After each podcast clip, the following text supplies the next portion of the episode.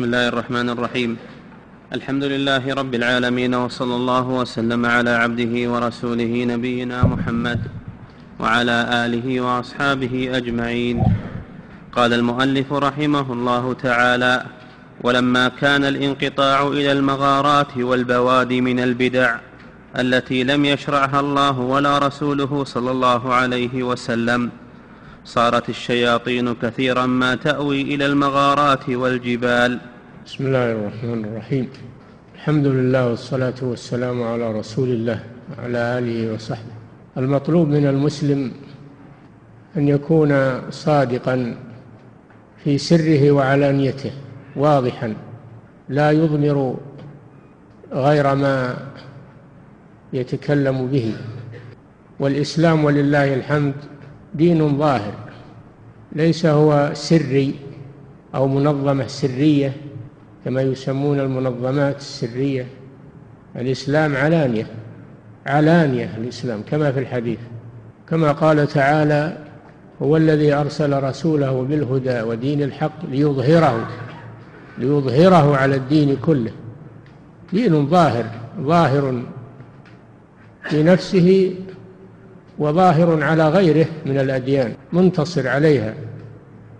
ليس فيه خفاء أو أسرار إنما هو ظاهر للعيان فالذين يتنحون ويعتزلون المسلمين يعتزلون مجالس العلماء في المساجد أو في دور العلم المساجد أو في دور العلم وينزوون إلى إلى مغارات وكهوف واستراحات وما أشبه ذلك هؤلاء عندهم عندهم شيء مكتوم لا يحبون أن يظهر أحد عليه وهذا ليس من الإسلام. ولهذا قال عمر بن عبد العزيز رحمه الله إذا رأيت قوما يتسارون في أمور الدين فاعلم أنهم مفتتحوا باب ضلالة تسارون في شيء من أمور الدين. أمور الدين واضحة ما فيها خفاء. إنما تكون السرية في الأمور غير الصحيحة والأمور التي يتكتم عليها. أما الإسلام ولله الحمد فهو علانية وظاهر. على رؤوس الأشهاد ينادى به. على رؤوس الأشهاد في المآذن على رؤوس المآذن وينادى به في دروس العلمية عند العلماء ينادى به في دور العلم المعروفة. ليس فيه شيء سري ما ما يعطى إلا لأناس خاصين كما عند الفرق الضالة كما عند الدروز وغيرهم من الخلوات والأسرار التي يخفونها حتى عن أولادهم وعن تلاميذهم. دين الإسلام علانية. ظاهر واضح. فإذا رأيت من ينتحون عن مجالس العلم وعن حضور المساجد حتى الجمع والجماعات ما يصلون مع مع المسلمين. من تبنى هذا الفكر ينعزل عن المسلمين ولا يصلي لا جمعة ولا جماعة. فهذا واضح إنه إنه مكر من الشيطان. أو تكون لهم سراديب وخلوات يختفون بها هذا ليس هو دين الإسلام. دين الإسلام للجميع ويعلن للجميع. ولهذا لما اعتزل واصل بن عطاء الغزال واتباعه عن مجلس الحسن البصري ماذا نتج عن هذا؟ نتج عن هذا مذهب المعتزلة الضال المنحرف الذي لا يزال المسلمون يعانون منه. فدين الإسلام دين الجماعة ودين ودين المحبة في القلوب دين التعاون على البر والتقوى. فمن صفات المنحرفين أنهم يختزلون ويختفون ويبيتون أشياء يبيتون أشياء للمسلمين. لو كانوا صرحا لبرزوا مع الناس فهم يخادعون الله والذين آمنوا وما يخدعون إلا أنفسهم وما يشعرون. فدين الصوفية هو من هذا النوع أنهم لهم خلوات ولهم أمكنة يختفون فيها ويلقن بعضهم بعضا دين التصوف ومنهم من من يعتزل أربعين يوم ثم يخرج على الناس لأنه انفتح عليه باب معرفة وباب وباب فهم وهذا كله من الشيطان. فالشياطين تحضر الأمكنة الخالية. الشياطين ما تحضر في المساجد ولا تحضر في دروس العلم. إنما تحضر في المغارات والكهوف والأشياء الخفية حتى يلقنوا هؤلاء المغرورين هذه الأسرار الخبيثة. فإذا رأيت قوما ينعزلون ويخرجون من البلد ويجتمعون في مكان فاعلم أن عندهم أمورا باطنة خبيثة. لو كان عندهم خير ما أخفوه. كان أعلنوه في في المساجد وفي الدروس. فكونهم ينعزلون هذا دليل على أن عندهم على أن عندهم شرا لا يحبون أن أحدا يطلع عليه. يستخفون من الناس ولا يستخفون من الله. وهو معهم يبيتون ما لا يرضى من القول وكان الله بما يعملون محيطا. هذا شيء مسبوقون إليه يستخفون من الناس ولا يستخفون من الله. إذا صاروا في غار أو في كهف أو في استراحة أو في مكان خال الناس ما دروا عنهم فإن الله يعلم ما هم عليه ويعلم ما يبيتون من القول. وسييسر للمسلمين القضاء عليهم. كما هو معروف في التاريخ من القضاء على هذه الفرق الضالة. نعم. ولما كان الانقطاع إلى المغارات والبوادي من البدع التي لم يشرعها الله ولا رسوله صلى الله عليه وسلم صارت الشياطين كثيرا ما تأوي إلى المغارات والجبال. وتقارن هؤلاء. تأوي إلى المغارات والجبال والكهوف وتقارن هؤلاء الذين يختفون فيها. نعم. مثل مغارة الدم التي بجبل قاسيون وجبل لبنان الذي بساحل الشام وجبل الفتح بأسوان مصر وجبال بالروم وخراسان وجبال بالجزيرة وغير ذلك. نعم يبحثون عن الكهوف في الجبال يختفون فيها. من أجل أن يدبروا أمرهم ضد المسلمين وينفثوا سمومهم التي في صدورهم ومن هو شيخهم في هذه المغارات الشيطان.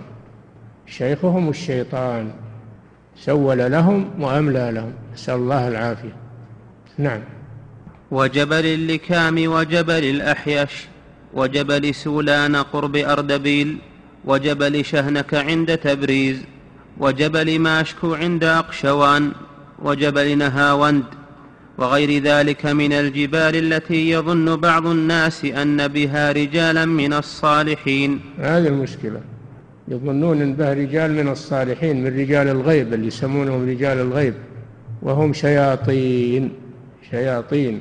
يمكن يتصورون لهم ويجونهم صورة رجال يجلسون معهم ثم يلقنونهم هذه الأفكار الخبيثة لأن الشيطان إذا انقطع الإنسان عن إخوانه المسلمين تسلط عليه ولهذا حث النبي صلى الله عليه وسلم على الجماعة ونهى عن الانفراد وقال إنما يأكل الذئب من الغنم القاصية وإن الشيطان ذئب الإنسان. فالمسلم يكون مع المسلمين. يا أيها الذين آمنوا اتقوا الله وكونوا مع الصادقين. ولذلك شرع الله لنا الاجتماعات في العبادة الصلوات الخمس الجمعة في الأعياد في عرفة. اجتماعات نجتمع فيها المسلمون. ما هو كل واحد يروح الجبل ولا الغار ويقول أنا أعبد الله. لما قيل لابن عباس رضي الله عنه إن رجلا يصلي الليل ويصوم النهار دائما وابدا لكنه لا يشهد الجمعة ولا الجماعة. قال هو في النار. قال هو في النار. وأنتم تسمعون في كل خطبة وعليكم بالجماعة. هذا حديث هذا نص حديث. وعليكم بالجماعة فإن يد الله على الجماعة. ومن شذ شذ في النار. نعم. وغير ذلك من الجبال التي يظن بعض الناس أن بها رجالا من الصالحين من الإنس ويسمونهم رجال الغيب. رجال الغيب وهم شياطين. رحمه الله ما أوسع اطلاعه وما أعظم نصحه للمسلمين. نعم. وإنما هناك رجال من الجن فالجن رجال كما أن الإنس رجال. كما قال تعالى وأنه كان رجال من الإنس يعوذون برجال من الجن. الجن لهم رجال. يظهرون بصورة رجال. نعم. قال تعالى وأنه كان رجال من الإنس يعوذون برجال من الجن فزادوهم رهقا. وشيطان الإنس أخطر على المسلمين من شيطان الجن. يقولون شيطان الإنس الإنس لهم شياطين. شياطين الجن شياطين الإنس والجن. قال تعالى شياطين الإنس والجن. يوحي بعضهم إلى بعض زخرف القول غرورا فأخبر أن للإنس شياطين. هم أخطر من شياطين الجن. لأن شيطان الجن إذا ذكرت الله فر. أما شيطان الإنس إذا ذكرت الله مرة ذكره مئة مرة. وهو على ما هو عليه من الضلال. ولا يذهب. فهو أخطر على الناس منه فالضالون من الإنس أشد من الشياطين الجن. نعم. ومن هؤلاء من يظهر بصورة رجل شعراني جلده يشبه جلد الماعز فيظن من لا يعرفه أنه إنسي وإنما هو جني. نعم. هل الإنسي يكون بلون الماعز أو صورة الماعز؟ هذا شيطان. نعم. ويقال بكل جبل من هذه الجبال الأربعون الأبدال. والأبدال ليسوا هؤلاء ورد فيهم أثر. والأبدال سموا أبدالا لأنهم يخلف بعضهم بعضا وهم رجال صالحون وقليلون في في القرون صح فيهم الأثر. وهم ليسوا هؤلاء هؤلاء رجال صالحون علماء. نعم. ويقال بكل جبل من هذه الجبال الأربعون الأبدال. وهؤلاء الذين يظن أنهم الأبدال هم جن بهذه الجبال كما يعرف ذلك بطرق متعددة. نعم وليسوا الأبدال. نعم. وهذا باب لا يتسع هذا الموضع لبسطه وذكر ما نعرفه من ذلك. يكفينا ما ذكرت. نعم. فإنا قد رأينا وسمعنا من ذلك ما يطول وصفه في هذا المختصر. اطلاع الشيخ شيء عجيب وإحاطته بالأخبار والأشياء. فتح الله عليه فتحا عظيما. نعم. وهذا ببركة العلم والعمل العلم النافع والعمل الصالح والدعوة إلى الله. نعم. فإنا قد رأينا وسمعنا من ذلك ما يطول وصفه في هذا المختصر. الذي كتب لمن سأل أن نذكر له من الكلام على أولياء الله تعالى ما يعرف به جمل ذلك. هذا المؤلف كله جواب مسألة واحدة. سئل عن الفرق بين أولياء الله بين أولياء الرحمن وأولياء الشيطان. ما كتب على أنه مؤلف؟ كتبه على أنه جواب لسؤال. نعم. والناس في خوارق العادات على ثلاثة أقسام. كما أسلفنا لكم ناس غلوا في نفيها كالمعتزلة. ينكرونها ينكرون خوارق العادات. يسمون الآن العقلانيين. ينكرون المعجزات وينكرون الكرامات. يقولون ما فيه. وأناس غلوا في إثباتها. حتى عدوا خوارق الشيطان من الكرامات. هؤلاء غلوا في الإثبات. والوسط هم الذين أثبتوا الكرامات أثبتوا المعجزات والكرامات على ضوء الكتاب والسنة ونفوا ما عداها وهؤلاء هم أهل السنة والجماعة. نعم. والناس في خوارق العادات على ثلاثة أقسام. قسم يكذب بوجود ذلك لغير الأنبياء عليهم السلام. نعم. وربما صدق به. بل العقلانيون ينكروا حتى معجزات الأنبياء. العقلانيون المعاصرون أنكروا حتى معجزات الأنبياء. لكن المعتزلة الذين هم سلفهم أثبتوا معجزات الأنبياء وأنكروا كرامات الأولياء يقولون لئلا تشتبه كرامة الولي بمعجزة النبي. نعم. وربما صدق به مجملا وكذب ما ما يذكر له عن كثير من الناس. لكونه عنده ليس من الأولياء ومنهم من يظن أن كل من كان له نوع من خرق العادة. هذا الذي غلا في الإثبات. لم يفرق بين الكرامة وخارق الشيطان. نعم. ومنهم من يظن أن كل من كان له نوع من خرق العادة كان وليا لله وكلا الأمرين خطأ. لا الذي غلا في النفي ولا الذي غلا في الإثبات. نعم. ولهذا تجد أن هؤلاء يذكرون أن للمشركين وأهل الكتاب نصرا يعينونهم على قتال المسلمين وأنهم من أولياء الله. نعم أثبتوا الكرامات حتى للكفار من اليهود والنصارى. نعم لأن عندهم خارق العادة كرامة مطلقة ما يفرقون بين الكرامة وبين خارق الشيطان. نعم. وأولئك يكذبون أن يكون معهم من له خرق عادة. ولهذا تجد أن هؤلاء يذكرون أن للمشركين وأهل الكتاب نصراء يعينونهم على قتال المسلمين وأنهم من أولياء الله. وأولئك يكذبون أن يكون معهم من له خرق عادة. أولئك يكذبون. وأولئك يكذبون أن يكون معهم من له خرق عادة. أولئك عن الذين ينفون. نعم.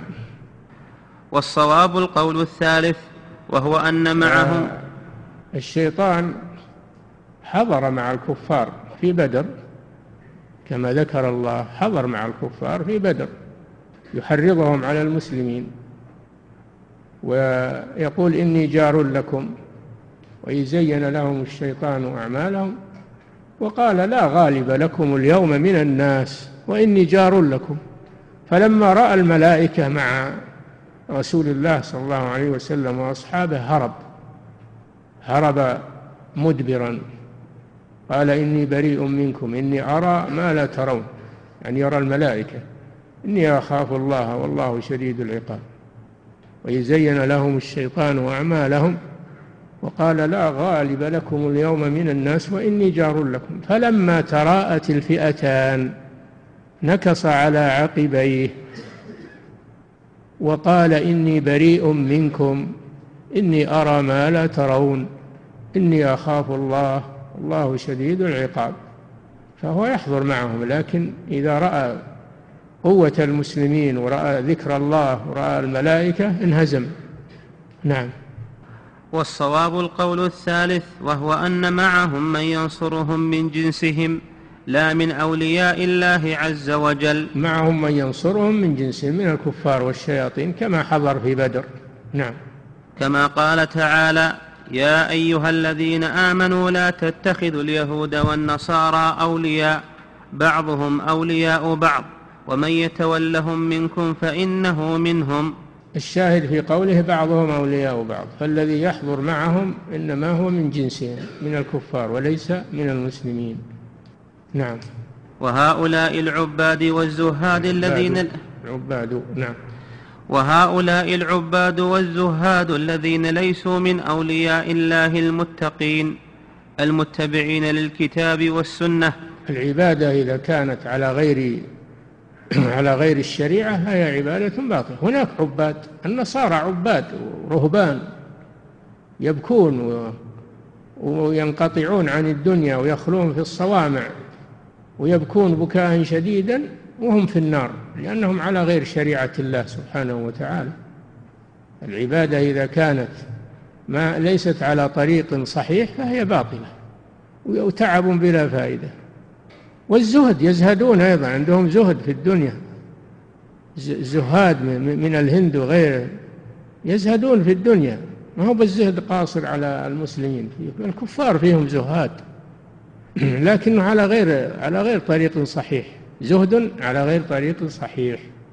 وإلا مثلا غاندي اللي هو رئيس الهند والذي خلص الهند من الإنجليز هذا زاهد وتارك للدنيا ويتغذى من من من حليب عنز معه يذهب بها إلى المؤتمرات من من الزهد. لكنه زنديق وكافر. الزهد ما هو منه زهد صحيح وشرعي ومنه زهد كذب. نعم. وهؤلاء العباد والزهاد الذين ليسوا من أولياء الله المتقين المتبعين للكتاب والسنة تقترن بهم الشياطين فيكون لأحدهم من الخوارق ما يناسب حاله. فرق بين الكرامات التي هي من الله وبين خوارق الشيطان التي تجري على يد الفاسق والمنحرف والكافر. هذه خوارق شيطانية. نعم. لكن خوارق هؤلاء يعارض بعضها بعضا. كرامات الأولياء لا تتعارض. لأنها من عند الله. وأما خوارق الشياطين فهي تتعارض فيما لأنها باطل والباطل لا يتفق يختلف. نعم. وإذا حصل من له تمكن من أولياء الله تعالى أبطلها عليهم. وتبطل عند ذكر الله عز وجل. خوارق الشيطان تبطل عند ذكر الله. كرامات الأولياء تزيد مع ذكر الله عز وجل. تقوى. نعم. وإذا حصل من له تمكن من أولياء الله تعالى أبطلها عليهم ولا بد أن يكون في أحدهم من الكذب جهلا أو عمدا. لما ناظر شيخ الإسلام البطائحية اللي هم الرفاعية وقالوا نحن ندخل النار ولا تضرنا. فقال لهم أنا أدخل معكم النار بشرط أننا نغسل أرجلنا. يغسلون هم كانوا يضعون على أرجلهم أشياء مضادة للنار ويمرون عليها ويقولون دخلنا فيها لأنهم وضعوا على أرجلهم واقيا. قال ما يخالف أنا أنا أدخل معكم النار لكن نغسل أرجلنا بكذا وكذا قبل الدخول. فلما قاله أبوا لما قال ذلك أبوا لأنه عرف رحمه الله مكرهم وحيلهم. نعم. ولا بد أن يكون في أحدهم من الكذب جهلا أو عمدا ومن الإثم ما يناسب حال الشياطين المقترنة بهم ليفرق الله بذلك بين أوليائه المتقين وبين المتشبهين بهم من أولياء الشياطين. قال الله تعالى هل أنبئكم على من تنزل الشياطين؟ تنزل على كل أفاك أثيم. نعم لأنهم لأنهم قالوا إن إن القرآن إنما هو سحر تنزلت به الشياطين على محمد. قال الله جل وعلا هل أنبئكم على من تنزل الشياطين؟ قال تعالى وما, نزل وما تنزلت به الشياطين وما ينبغي لهم وما يستطيعون. إنهم عن السمع لمعزولون. إلى أن قال هل أنبئكم على من تنزل الشياطين؟ تنزل على كل أفاك أثيم. الشياطين ما تتنزل على أولياء الله إنما تتنزل على أعداء الله لتفتنهم. نعم. والأفاك الكذاب والأثيم الفاجر ومن أعظم ما يقوي الأحوال الشيطانية سماع الأغاني والملاهي وهو سماع المشركين. شوف الفرق هذا فرق آخر بين خوارق الشيطان وكرامات الرحمن. كرامات الرحمن تقوى مع ذكر الله عز وجل وكرامات وخوارق الشيطان تقوى مع المعاصي مع الغنى والدفوف تقوى مع المعاصي. ولذلك يحضرون الدفوف ويقولون نحن أولياء يحضرون الدفوف والمغنين ويغنون ويضربون الدفوف يسمون هذا ذكرا لله وهو ذكر للشيطان. هذا لهو وباطل. فخوارقهم تنشط مع المعاصي والدفوف والمزامير والأغاني الماجنة. أما كرامات الأولياء فإنما تزيد بذكر الله سبحانه وتعالى وبطاعة الله. هذا فرق. نعم. ومن أعظم ما يقوي الأحوال الشيطانية الأحوال الشيطانية سماع الأغاني والملاهي وهو سماع المشركين. قال الله تعالى وما كان صلاتهم عند البيت إلا مكاء وتصدية. سماع المشركين وما كان صلاتهم عند البيت الكعبة إلا مكاء وهو الصفير وتصدية وهو التصفيق يصفرون ويصفقون. ومن العجائب أنه في في المباريات تسمع التصفيق والصفير سبحان الله. أما تسمعون هذا؟ تسمع عندهم تصفيق وصفير. هذا منين ورثوه؟ ورثوه من المشركين. نعم. قال ابن عباس وابن عمر رضي الله تعالى عنهم وغيرهما من السلف التصدية التصفيق باليد والمكاء مثل الصفير. فكان المشركون يتخذون هذا عبادة. يتخذون التصفيق والصفير عبادة وهو معصية. نعم. وأما النبي صلى الله عليه وسلم وأصحابه رضي الله عنهم فعبادتهم ما أمر الله به من الصلاة والقراءة والذكر ونحو ذلك. والاجتماعات الشرعية ولم يجتمع النبي صلى الله عليه وسلم وأصحابه رضي الله عنهم على استماع على استماع غناء قط لا بكف ولا بدف ولا تواجد ولا سقطت بردته نعم ما ما ما اجتمع النبي صلى الله عليه وسلم ولا أصحابه على الأغاني وعلى الدفوف وإنما يجتمعون على تلاوة القرآن وعلى ذكر الله وعلى دروس العلم هذا الذي يجتمعون عليه. أما أولئك فيجتمعون على المكى والتصدية والطبول والمزامير والأغاني التي تفسد القلوب. وتلهي عن ذكر الله سبحانه وتعالى. هذا هذا مواد خوارقهم من المعاصي. نعم. ولم يجتمع النبي صلى الله عليه وسلم وأصحابه رضي الله عنهم على استماع غناء قط لا بكف ولا بدف ولا تواجد ولا سقطت بردته. كما يقولون إن يكذبون على الرسول صلى الله عليه وسلم. إنه حضر مجلس الصوفيه وسمع الغنى لسعت حية الهوى كبدي ليس لها من راق ولا ليس لها من فليس لها من واق من واق ولا راقي فيقولون لما سمع الرسول هالبيت تمايل حتى سقطت بردته. وهذا من الكذب على رسول الله صلى الله عليه وسلم. نعم. بل كل ذلك كذب باتفاق أهل العلم بحديثه. نعم. وكان أصحاب النبي صلى الله عليه وسلم الحمد لله أن الله قيض لأحاديث الرسول الحفاظ المتقنون الذين نقدوها وأخرجوا صحيحها من ضعيفها من موضوعها وميزوها. فلم يتمكن هؤلاء من الدس على رسول الله صلى الله عليه وسلم. وهذا مصداق لقوله تعالى إنا نحن نزلنا الذكر وإنا له لحافظون. فلا يتمكن ملحد أو منافق أن يكذب على رسول الله صلى الله عليه وسلم لوجود هؤلاء الحفاظ. نعم. وكان أصحاب النبي صلى الله عليه وسلم ورضي الله عنهم إذا اجتمعوا أمروا واحدا منهم أن يقرأ والباقون يستمعون. على كتاب الله. ولم يجتمعوا على أغاني وعلى دفوف. ويقولون هذا ذكر لله. نعم. وكان عمرو بن الخطاب رضي الله عنه يقول لأبي موسى الأشعري رضي الله تعالى عنه ذكرنا ربنا فيقرأ وهم يستمعون. نعم. كان أبو موسى الأشعري رضي الله عنه له صوت حسن. في القرآن. وكان النبي صلى الله عليه وسلم يستمع إليه وهو يصلي بالليل ويتلذذ بصوته رضي الله عنه.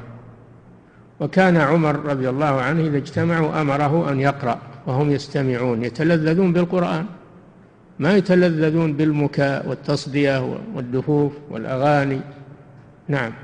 ومر النبي صلى الله عليه وسلم بأبي موسى الأشعري رضي الله عنه وهو يقرأ فقال له مررت بك البارحة وأنت تقرأ. يعني في الليل صلي. نعم. فجعلت أستمع لقراءتك. فقال رضي الله عنه لو علمت أنك تستمع لحبرته لك تحبيرا. يعني لو علم بأن الرسول يستمع إليه لزين صوته أكثر مما سمعه الرسول صلى الله عليه وسلم. لأن الله أعطاه حسن الصوت. نعم. أي لحسنته لك تحسينا كما قال النبي صلى الله عليه وسلم زينوا القرآن بأصواتكم. ولذلك يستحب لقارئ القرآن أن يزينه بصوته ولا يهذه هذ الشعر أو ينثره نثر الدقل وإنما يزينه بصوته ويؤديه أداء حسنا. حتى يؤثر في نفسه ويؤثر على السامعين. لكن لا يبالغ بما يسمونه التجويد الآن يمططون القرآن ويشتدون في الغنة ومخارج الحروف حتى يولدوا حروفا زائدة. ويملل السامع يملل السامع ويثقلون على المصلين في هذه التلاوة المتكلفة. القرآن إذا جاء عن عن اعتدال أثر وإذا جاء عن تكلف فإنه لا يؤثر. نعم. وقال صلى الله عليه وسلم لله أشد أذنا أي استماعا إلى الرجل الحسن الصوت بالقرآن. الإذن يطلق على السماع كما قال عن المنافقين ويقول ومنهم الذين يؤذون النبي ويقولون هو, هو أذن يعني يستمع للوشاة. يصفون الرسول صلى الله عليه وسلم بأنه يستمع للوشاة. قبحهم الله. أذن يعني يسمع. فما أذن الله يعني ما استمع الله. نعم. وقال صلى الله عليه وسلم لله أشد أذنا أي, استمع أي استماعا إلى الرجل الحسن الصوت بالقرآن من صاحب القينة إلى قينته. نعم. الله جل وعلا يحب من عبده أن يتغنى بالقرآن. قال صلى الله عليه وسلم ليس منا من لم يتغنى بالقرآن يعني يحسن صوته. مراد بالتغني تحسين الصوت لا أنه يجعلها على شكل الأغاني والتمطيط و... لا يتغنى يعني يحسن صوته بالقرآن. نعم. لأنه يقرأ كلام الله. يقرأ كلام مخلوق. يقرأ كلام الله فيستعد لإلقائه على أحسن ما يستطيع. أحسن ما يستطيع. نعم. وقال صلى الله عليه وسلم لابن مسعود رضي الله عنه اقرأ علي القرآن. فقال أقرأ عليك وعليك أنزل. فقال إني أحب أن أسمعه من غيري. فقرأت عليه سورة النساء حتى انتهيت إلى هذه الآية. فكيف إذا جئنا من كل أمة بشهيد وجئنا بك على هؤلاء شهيدا؟ قال حسبك. فإذا عيناه تذرفان من البكاء. نعم. ومن ممن استمع إليهم النبي صلى الله عليه وسلم تشرفوا بسماع النبي منهم ابن مسعود رضي الله عنه وكان متقنا لقراءة القرآن. فطلب منه الرسول أن يقرأ عليه قال أقرأ عليك وعليك أنزل. قال إني أحب أن أسمعه من غيري. فدل هذا على فضل على فضل استماع القرآن. وإذا قرئ القرآن فاستمعوا له وأنصتوا. فدل هذا على فضل الاستماع للقرآن. هذا دليل على أن الرسول وأصحابه إنما يتلذذون بالقرآن لا بالأغاني والدفوف والمزامير. يتلذذون بالقرآن وذكر الله عز وجل. نعم. ومثل هذا السماع هو سماع النبيين وأتباعهم كما ذكره الله تعالى في القرآن فقال أولئك الذين أنعم الله عليهم من النبيين من ذرية آدم وممن حملنا مع نوح ومن ذرية إبراهيم وإسرائيل وممن هدينا واجتبينا. إذا تتلى عليهم آيات الرحمن خروا سجدا وبكيا. لما ذكر لما ذكر الأنبياء في سورة مريم قال أولئك الذين أنعم الله عليهم من النبيين من ذرية آدم وممن حملنا مع نوح ومن ذرية إبراهيم وإسرائيل وممن هدينا واجتبينا إذا تتلى عليهم آيات الرحمن التوراة والإنجيل والقرآن والزبور الكتب المنزلة إذا تتلى عليهم آيات الرحمن خروا سجدا وبكيا فيتأثرون بها ويسجدون لله عز وجل عند سماعها. نعم. وقال تعالى في أهل المعرفة وإذا سمعوا ما أنزل إلى الرسول تعالى في سورة الإسراء قل آمنوا به أو لا تؤمنوا. إن الذين أوتوا العلم من قبله إذا يتلى عليهم يخرون للأذقان سجدا ويقولون سبحان ربنا. إن كان وعد ربنا لمفعولا ويخرون للأذقان يبكون ويزيدهم خشوعا. أهل الكتاب إذا سمعوا القرآن سجدوا. المراد بأهل الكتاب المؤمنون منهم. المؤمنون من أهل الكتاب كالنجاشي وغيره. نعم.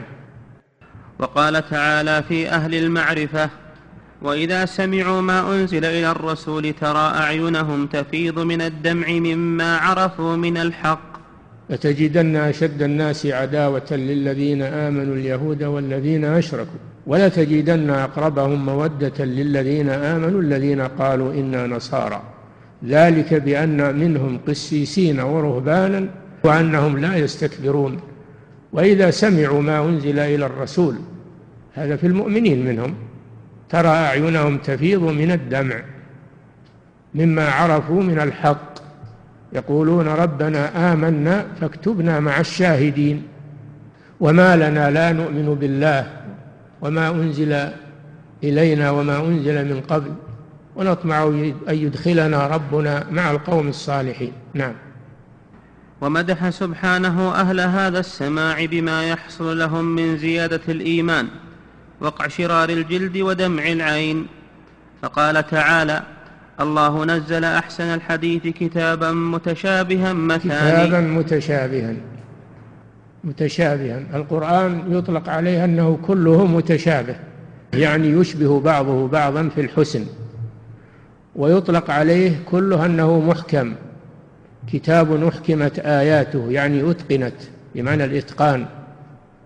ويطلق عليه أن بعضه محكم وبعضه متشابه. منه آيات محكمات هن أم الكتاب وأخر متشابهات. نعم. فقال تعالى الله نزل أحسن الحديث كتابا متشابها مثاني. مثاني يعني تكرر آياته تكرر أخباره وقصصه لأجل التأثير على على القارئ والسامع. نعم. تجدون مواعظ القرآن وأخبار القرآن مكررة. هذه المثاني. نعم. الله نزل أحسن الحديث كتابا متشابها مثاني تقشعر منه جلود الذين يخشون ربهم ثم تلين جلودهم وقلوبهم إلى ذكر الله. نعم فهو يلين يلين القلوب ويلين الجلود بذكر الله سبحانه. إذا تليت عليهم آياته زادتهم إيمانا. نعم. وقال تعالى إنما المؤمنون الذين إذا ذكر الله وجلت, وجلت قلوبهم وإذا تليت عليهم آياته زادتهم إيمانا وعلى ربهم يتوكلون. الشاهد من هذه الآيات كلها أن سماع المؤمنين هو القرآن وليس الأغاني والألحان التي عند الصوفية والكفار والمشركين هؤلاء سماعهم الأغاني والدفوف والمزامير. وأما المؤمنون فسماعهم الذي يتلذذون به وتلين به قلوبهم وتقشعر جلودهم من مواعظه هو القرآن الكريم. فرق بين هذا وهذا. ولذلك تجد المفتون إذا سمع القرآن أغلق المذياع وإذا سمع الأغاني انبسط وفرح وتجده القرآن ما يصبر عليه ولا دقيقة أو دقيقتين أما الأغاني والمزامير فيمكن كل ليلة ونهاره مع الأغاني والمزامير. بل إن بعضهم يترك عمله أو يترك الصلاة ويذهب لأغنية فلانة لأنه جاء موعدها جاء موعدها في البرنامج فيذهب يحضرها لئلا تفوته. لأن قلبه مربوط بها والعياذ بالله. نعم. وأما السماع المحدث سماع الكف والدف والقصب فلم القصب. نعم سماع الكف والدف والقصب فلم تكن الصحابة والتابعون لهم بإحسان وسائر الأكابر من أئمة الدين الذين يجعلون هذا من أئمة الدين يجعلون هذا طريقا إلى الله تبارك وتعالى. لا يجعلون الأغاني والدفوف والمزامير طريقا إلى الله وإلى تليين القلوب. العكس الغنى والمزامير والدفوف تقسي القلوب وتزرع النفاق في القلوب وتزرع الشهوة والعشق في القلوب. خلاف القرآن فإنه يزرع الخشية والخوف والطمع فيما عند الله والخوف مما أعد الله للكافرين. نعم. ولا يعدونه من القرب والطاعات. كما يعده هؤلاء لأن الصوفية يعدون الأغاني والدفوف من من الطاعات. فلذلك يأتون بها إلى المساجد ويقيمونها في المساجد. بدل القرآن. نعم. بل يعدونه من البدع المذمومة. نعم. حتى قال الشافعي رحمه الله خلفت ببغداد شيئا أحدثته الزنادقة يسمونه التغبير. يصدون به الناس عن القرآن وأولياء الله العارفون. نعم, نعم والتغبير هو الأغاني والمزامير والدفوف يسمونها التغبير. يقول الشافعي أحدثوه في بغداد ما كان معروفا عند السلف وعند أهل العلم. نعم. وأولياء الله العارفون يعرفون ذلك. نعم. يعرفون الفرق بين بين سماع المؤمنين وسماع المنافقين والكفار. نعم. ويعلمون أن للشيطان فيه نصيبا وافرا. نعم. أن سماع المنافقين والكفار والفسقة هو من الشيطان. هو الذي زينه وهو الذي يحضره وهو الذي يحثهم عليه. نعم. ويعلمون أن للشيطان فيه نصيبا وافرا. ولهذا تاب منه خيار من حضر منهم. كان منه ولهذا تاب منه. خيار من حضره منهم. كذا عندكم. نعم. ولهذا. وأولياء الله تعالى العارفون يعرفون ذلك ويعلمون أن للشيطان فيه نصيبا وافرا. ولهذا تاب منه. خيار من حضره منهم. نعم. ومن كان أبعد عن المعرفة وعن كمال ولاية الله كان نسيب الشيطان منه أكثر. نعم. وهو بمنزلة الخمر يؤثر في النفوس أعظم من تأثير الخمر. نعم الأغاني تحدث في النفوس تأثيرا أشد من الخمر لأن سكران الخمر يفيق. أما سكران الأغاني والهوى هذا لا يفيق هذا لا يفيق. قالوا سكرت بمن تهوى فقلت لهم العشق أعظم مما بالمجانين. السكر يستفيق الدهر صاحبه والعشق لا والعشق لا يستفيق منه في حين لا يستفيق منه في حين أو نحو من هذا. المهم أن سكران الأغاني والهوى ما يفيق بل يزيد. وسكران الخمر يفيق فهو أشد. العشق العشق لا يستفيق الدهر صاحبه. العشق لا يستفيق الدهر صاحبه وإنما يصرع المجنون في حين نعم. ولهذا إذا قويت سكرة أهله نزلت عليهم الشياطين وتكلمت على ألسنة بعضهم. كما مر بنا أنه إذا اشتد طربه طار في الهواء. إذا اشتد طربه من الأغاني والدفوف آه، طار في الهواء لأن الشيطان حمله. حمله في الهواء. نعم. ولهذا إذا قويت سكرة أهله نزلت عليهم الشياطين وتكلمت على ألسنة بعضهم وحملت بعضهم في الهواء. نعم يطير من بين الحفل. ويقولون هذا كرامة وهو من الشيطان. نعم. وقد تحصل عداوة بينهم كما تحصل بين شراب الخمر. تحصل بين العشاق. عداوة. وغيره من بعضهم على بعض كما يحصل بين شراب الخمر. إنما يريد الشيطان أن يوقع بينكم العداوة والبغضاء في الخمر والميسر. يصدكم عن ذكر الله وعن الصلاة فهل أنتم منتهون؟ نعم. وقد تحصل عداوة بينهم كما تحصل بين شراب الخمر فتكون شياطين أحدهم أقوى من شياطين الآخر فيقتلونه. ويظن الجهال أن هذا من كرامات أولياء الله المتقين. وأن موته شهادة وأنه مات من ذكر الله. يقولون مات من ذكر الله. وهو مات بقتل الشيطان له. نعم. وقد يظن الجهال أن هذا من كرامات أولياء الله المتقين. وإنما هذا مبعد لصاحبه عن الله وهو من أحوال الشياطين. فإن قتل المسلم لا يحل إلا بما أحله الله.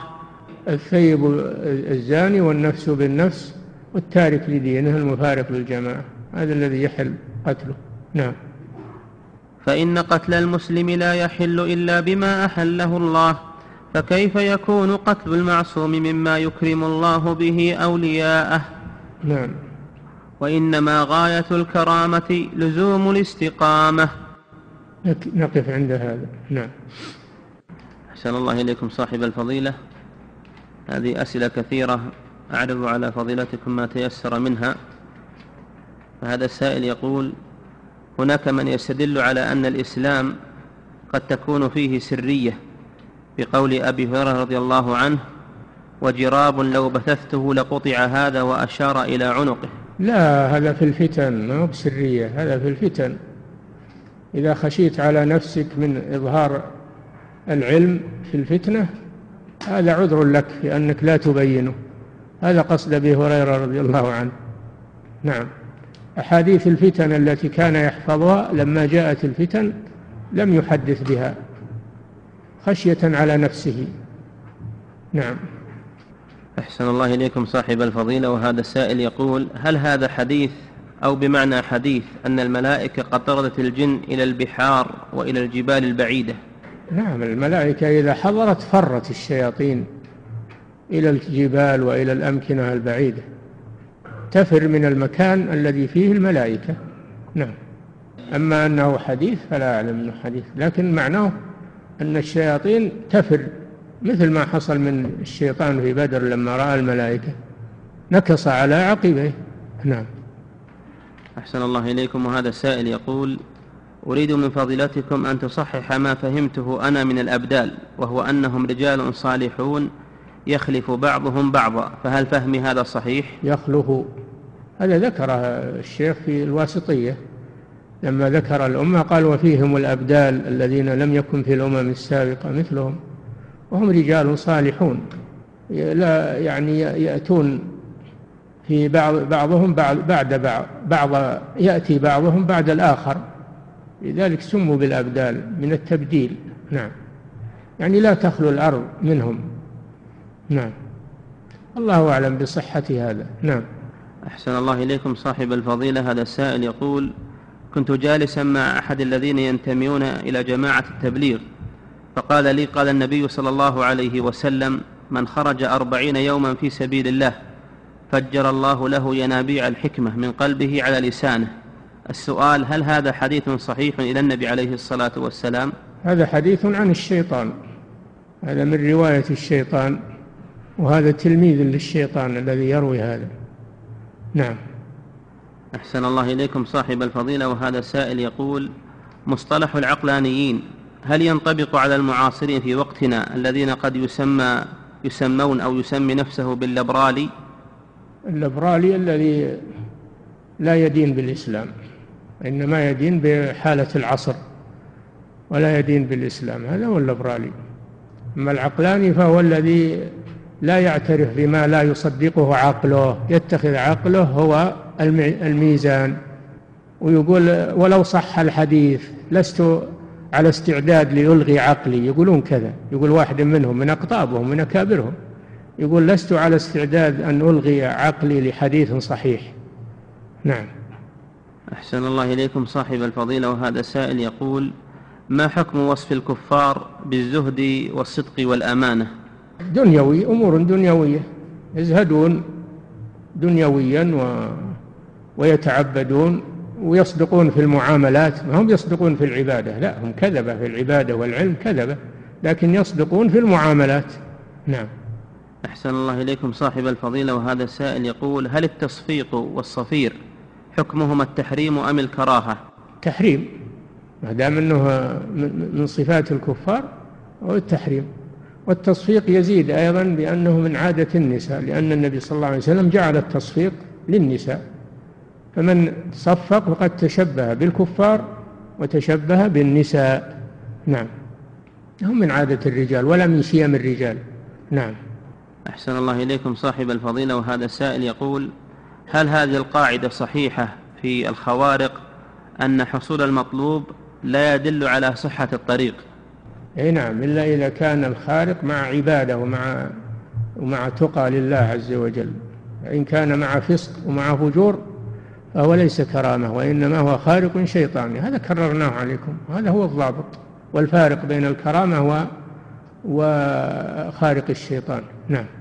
أحسن الله إليكم صاحب الفضيلة وهذا السائل يقول متى يجوز استعمال الدف؟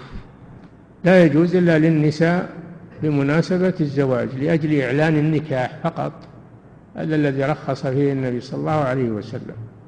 تستعمله النساء لإعلان النكاح وقت الزفاف. نعم.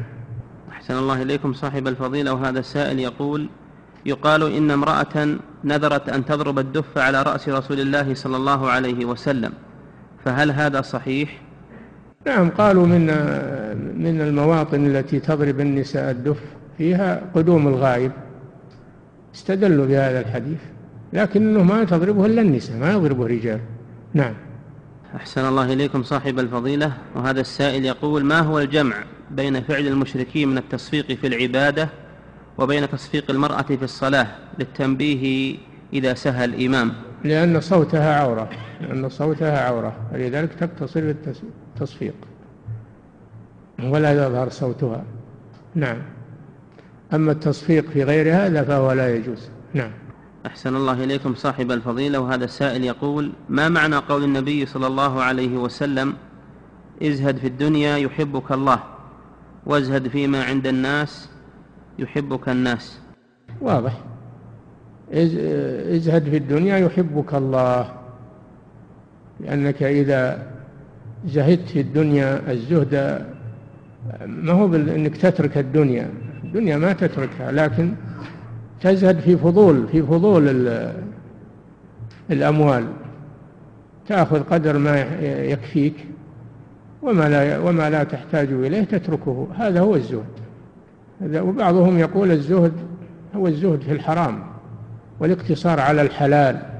والناس إذا أنك تركت لهم أموالهم أحبوك وإذا سألتهم أبغضوك وكرهوك. الله يغضب إن تركت سؤاله وبني آدم حين يسأل يغضب. والآخر يقول ولو سئل الناس التراب لأوشكوا إذا قيل هاتوا أن يملوا ويمنعوا. نعم. أحسن الله إليكم صاحب الفضيلة وهذا السائل يقول انتشرت ظاهرة في هذه الأيام لم تكن معهودة فيما مضى وهي أن بعضا من أهل الاستقامة أصبحوا يحملون السبح ويلوحون بها يحاكون بذلك الشعراء وغيرهم. فما هو حكم ذلك وما توجيه فضيلتكم؟ السبحة إذا أخذت على أنها عبادة هذا بدعة. إذا أخذت على أنها من باب العادة والتسلية فلا بأس بذلك. أما إذا أخذت على أنه شعار عبادة هذا دين الصوفية. هذا بدعة. نعم. أحسن الله إليكم صاحب الفضيلة وهذا السائل يقول هل من السنة اجتماع أهل البيت أو طلاب العلم فيقرأ أحدهم القرآن وهم يستمعون له في مجالسهم؟ هذا طيب هذا أحسن شيء. نعم. أحسن الله إليكم صاحب الفضيلة وهذا السائل يقول هل الانفراد والاختفاء للعبادة مذموم بكل حال؟ اللي ينفرد عن الجمعة والجماعة ويقول أخشى من الرياء نعم هذا لا يجوز وهو في النار كما قال ابن عباس. أما أنه يخفي صلاة الليل يخفي صلاة الليل ويصلي في بيته شيء طيب. نعم يخفي الصدقة لئلا يقال أنه مرائي فلا بأس به. إلا إذا كان إظهار الصدقة أحسن يقتدي بك الناس أو يعرفون أن هذا محتاج. أما إذا أظهرت الصدقة للرياء فهذا لا يجوز. إن تبدوا الصدقات فنعم ما هي. وإن تخفوها وتؤتوها الفقراء فهو خير لكم. نعم. أحسن الله إليكم صاحب الفضيلة. هذا السائل يقول هل أجاز النبي صلى الله عليه وسلم الأناشيد في المواطن الثلاثة في الجهاد والسفر والعمل الشاق؟ الأناشيد لا ما أجازها النبي صلى الله عليه وسلم. إنما أجازتها الصوفية وأجازها أصحاب المناهج المعاصرة الحزبيات أصحاب الحزبيات. الرسول أجاز الإنشاد إنشاد الشعر للحدى بالإبل بالليل ووقت العمل ينشطهم على العمل. إنشاد يعني ينشدون ولا ما هو أناشيد إنما واحد ينشد أو جماعة ينشدون كل واحد منفرد عن الآخر. أما أنهم يرتبون صوت واحد ومنغم ومنعم هذا لم يكن من هدي الرسول صلى الله عليه وسلم. إنشاد النساء مع الدف ليلة الزواج لا بأس بذلك. هذا يسمى إنشاد كان حسان ينشد النبي صلى الله عليه وسلم من شعره في المسجد ويستمع إليه. ما يقال أناشيد قال هذا إنشاد الشعر. نعم. أحسن الله إليكم صاحب الفضيلة وهذا سائل يقول هل ما يسمى عند الناس الآن عبر وسائل الإعلام وفي أعراسهم واجتماعاتهم بالمحاورة وهو شعر مع التصفيق هل هذا حرام أو مباح؟ ما ما يباح إلا ما رخص فيه الرسول صلى الله عليه وسلم وهو إنشاد النساء مع ضرب الدف فيما بينهن. أما الرجال فيجلسون ويأكلون ويشربون ويكفي هذا. يحضرون الزواج ويلتقي بعضهم مع بعض. ولا يغنون ولا ولا يتحاورون. سباب وهجاء فيما بينهم. هذا لا يجوز. هذا نعم. أحسن الله إليكم صاحب الفضيلة. وهذا سائل يقول فرقة الأباضية هل هي تابعة لطريقة الصوفية؟ الإباضية هذه خوارج ولا من الخوارج؟ عندهم غلو على مذهب الخوارج يكفرون بالكبيرة. دون الشرك ويرون خلود العاصي في النار وعلى مذهب الخوارج. أتباع عبد الله بن أباض الراسبي هذولا من الخوارج فرقة من الخوارج. ويقولون القرآن مخلوق يقولون القرآن مخلوق على مذهب الجهمية. جمعوا بين مذهب الجهمية ومذهب الخوارج. نعم. أحسن الله إليكم صاحب الفضيلة وهذا السائل يقول ما حكم الاستماع إلى الأناشيد التي معها مؤثرات أو تردد على شكل جماعات يردد بعضهم مع بعض؟ لا يجوز هذا. الأناشيد أغاني والأغاني محرمة ولا يجوز سماعها. وإذا صار معها دفوف صار منكر آخر. نعم. أحسن الله إليكم صاحب الفضيلة وهذا السائل يقول ما حكم من يعظ الناس ويذكرهم بالله وأثناء ذلك يذكر بعض الآيات من كتاب الله فيرتلها عليهم سواء في المحاضرة أو الموعظة أو في خطبة الجمعة. هذا غير مشروع وما كان علماء السلف يفعلون هذا. إنما كانوا يستشهدون بالآيات وفي فرق بين التلاوة وبين الاستشهاد بالآية. استشهاد بالآية يؤتى بها بلفظها من غير ترتيل من غير ترتيل. لأن هذا يثقل على السامعين وينسيهم الموضوع ويتحول منه من خطيب إلى تال للقرآن. تنقطع الخطبة بهذا. نعم. أحسن الله إليكم صاحب الفضيلة وهذا سائل يقول هل يفهم من قول أبي موسى الأشعري رضي الله عنه للنبي صلى الله عليه وسلم لو علمت أنك تستمع إلي لحبرته لك تحبيرا هل يفهم منه جواز تحسين الصوت؟ عند العلم باستماع الغير أو أنه من باب نعم إذا كان يؤثر على الغير أنت مأجور بهذا. إذا كان تحسين صوتك يؤثر على الغير ويخشعهم فأنت مأجور على هذا لأن هذا من التذكير بآيات الله سبحانه وتعالى. نعم. أحسن الله إليكم صاحب الفضيلة. هذا السائل يقول هناك بعض الصالحين إذا أتت الإجازات في وقت الربيع. هناك؟ إذا أتت الإجازات في وقت الربيع خرجوا إلى البر ويجعلون أيامهم في الوعظ والتذكير ويصلون قيام الليل ويجعلون هذا بهدف هداية من معهم من الشباب. فهل هذا الفعل من المحذور؟ إذا خرجوا لأجل النزهة ما هو لأجل العبادة؟ خرجوا لأجل النزهة وانتهزوا الفرصة اجتماعهم تذاكروا العلم والقرآن هذا شيء طيب. أما إن كانوا يخرجون لأجل العبادة ويعتبرون هذا عبادة خروج عبادة هذا بدعة.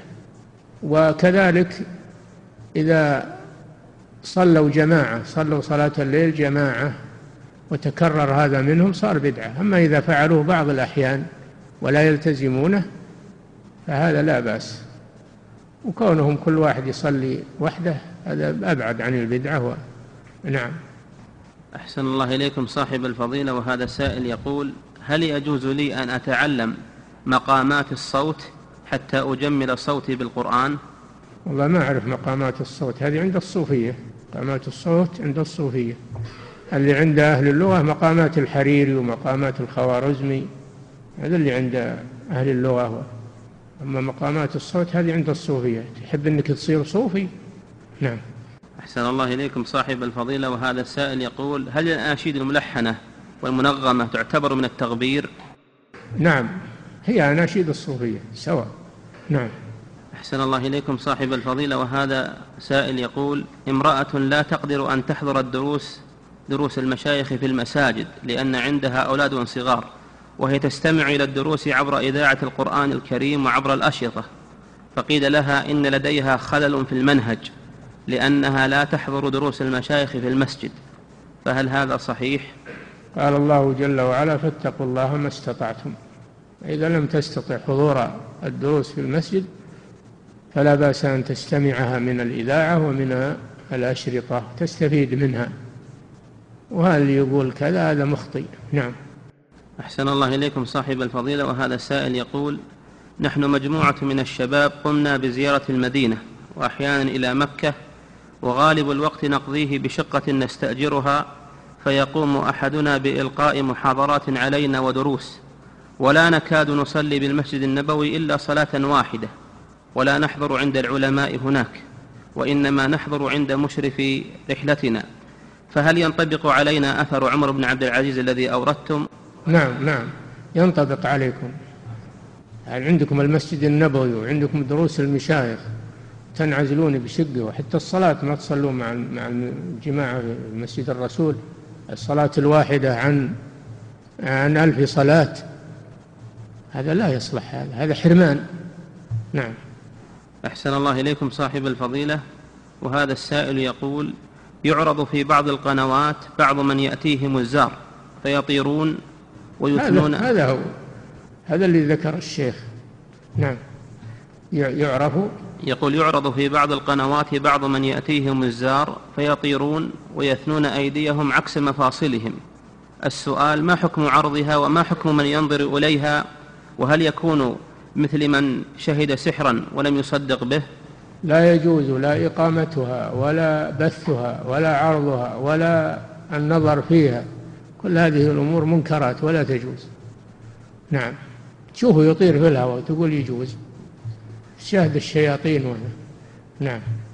أحسن الله إليكم صاحب الفضيلة وهذا السائل يقول هل يشرع افتتاح المجالس والمناسبات بقراءة شيء من القرآن؟ شيء طيب هذا. افتتاح المجالس و... والحفلات و... إلا إذا كانت حفلات منكر إذا كانت حفلات منكر فلا يجوز أن يقدم فيها القرآن. أما إذا كانت حفلات مباحة أو حفلات خير هذا شيء طيب. نعم. أحسن الله إليكم صاحب الفضيلة. هذا السائل يقول سؤالي أني من خارج هذه البلاد فهل تجوز الدعوة سرا في بلد يمنع فيه العلماء؟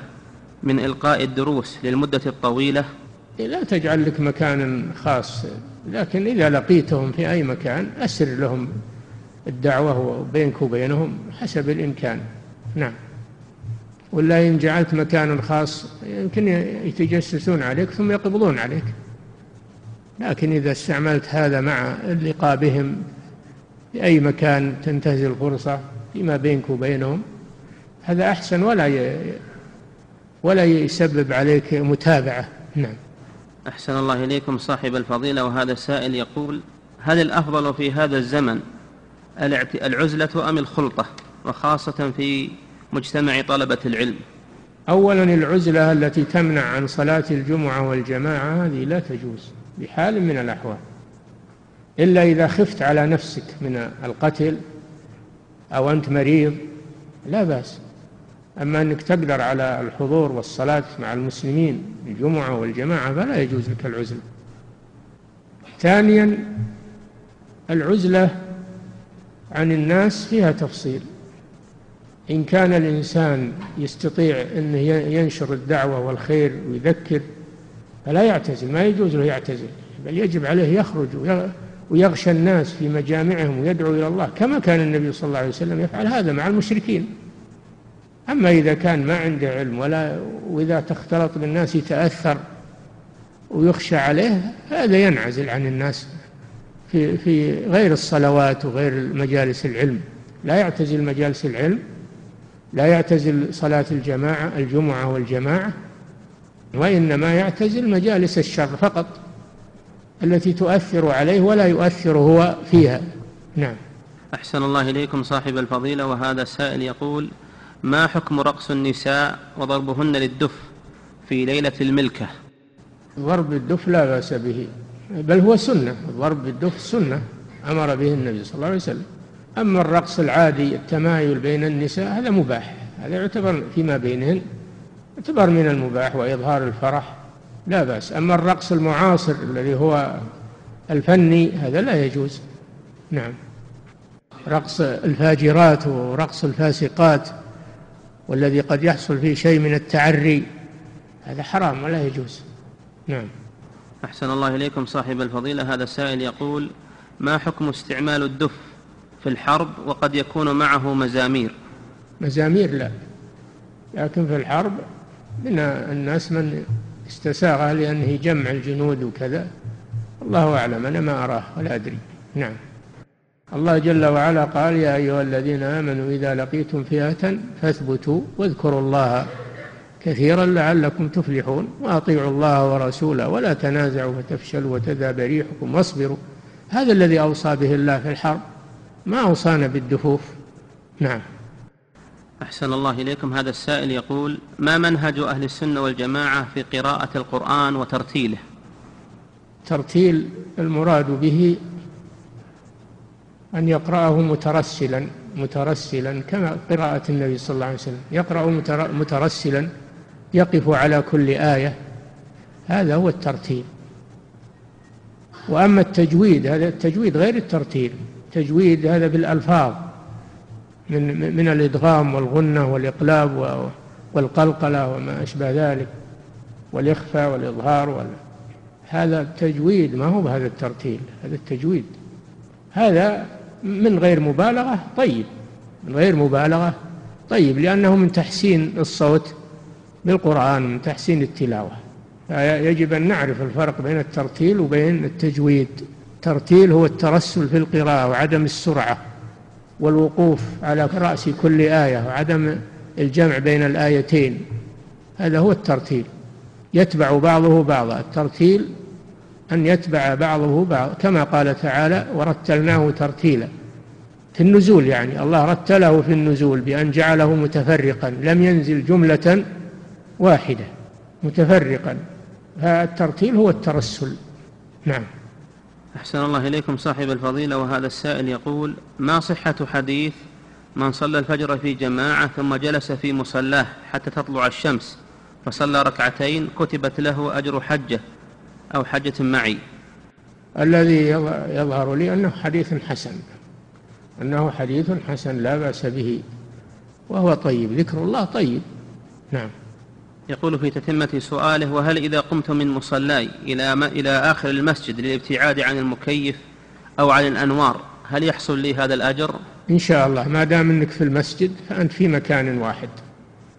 ولا سيما أنك تقول أنك محتاج للقيام تبعد عن المكيف. لا بأس. نعم. أحسن الله إليكم صاحب الفضيلة وهذا السائل يقول هل يجوز وضع الجوائز للمسابقة في حفظ القرآن والحديث؟ وهل يجوز حضور هذه الحفلات التي توزع فيها هذه الجوائز وتشجيع أهلها؟ نعم. لا بأس بذلك لأن هذا من الحث على حفظ كتاب الله وتعلمه وتعليمه وهو داخل في الجهاد في سبيل الله. ابن القيم رحمه الله يقول هذا يدخل في الجهاد. يدخل في الجهاد. وكما يجوز أخذ الجوائز على على النصل والخف والحافر لأن هذا من أدوات الجهاد. كذلك أخذ الجوائز على طلب العلم والفقه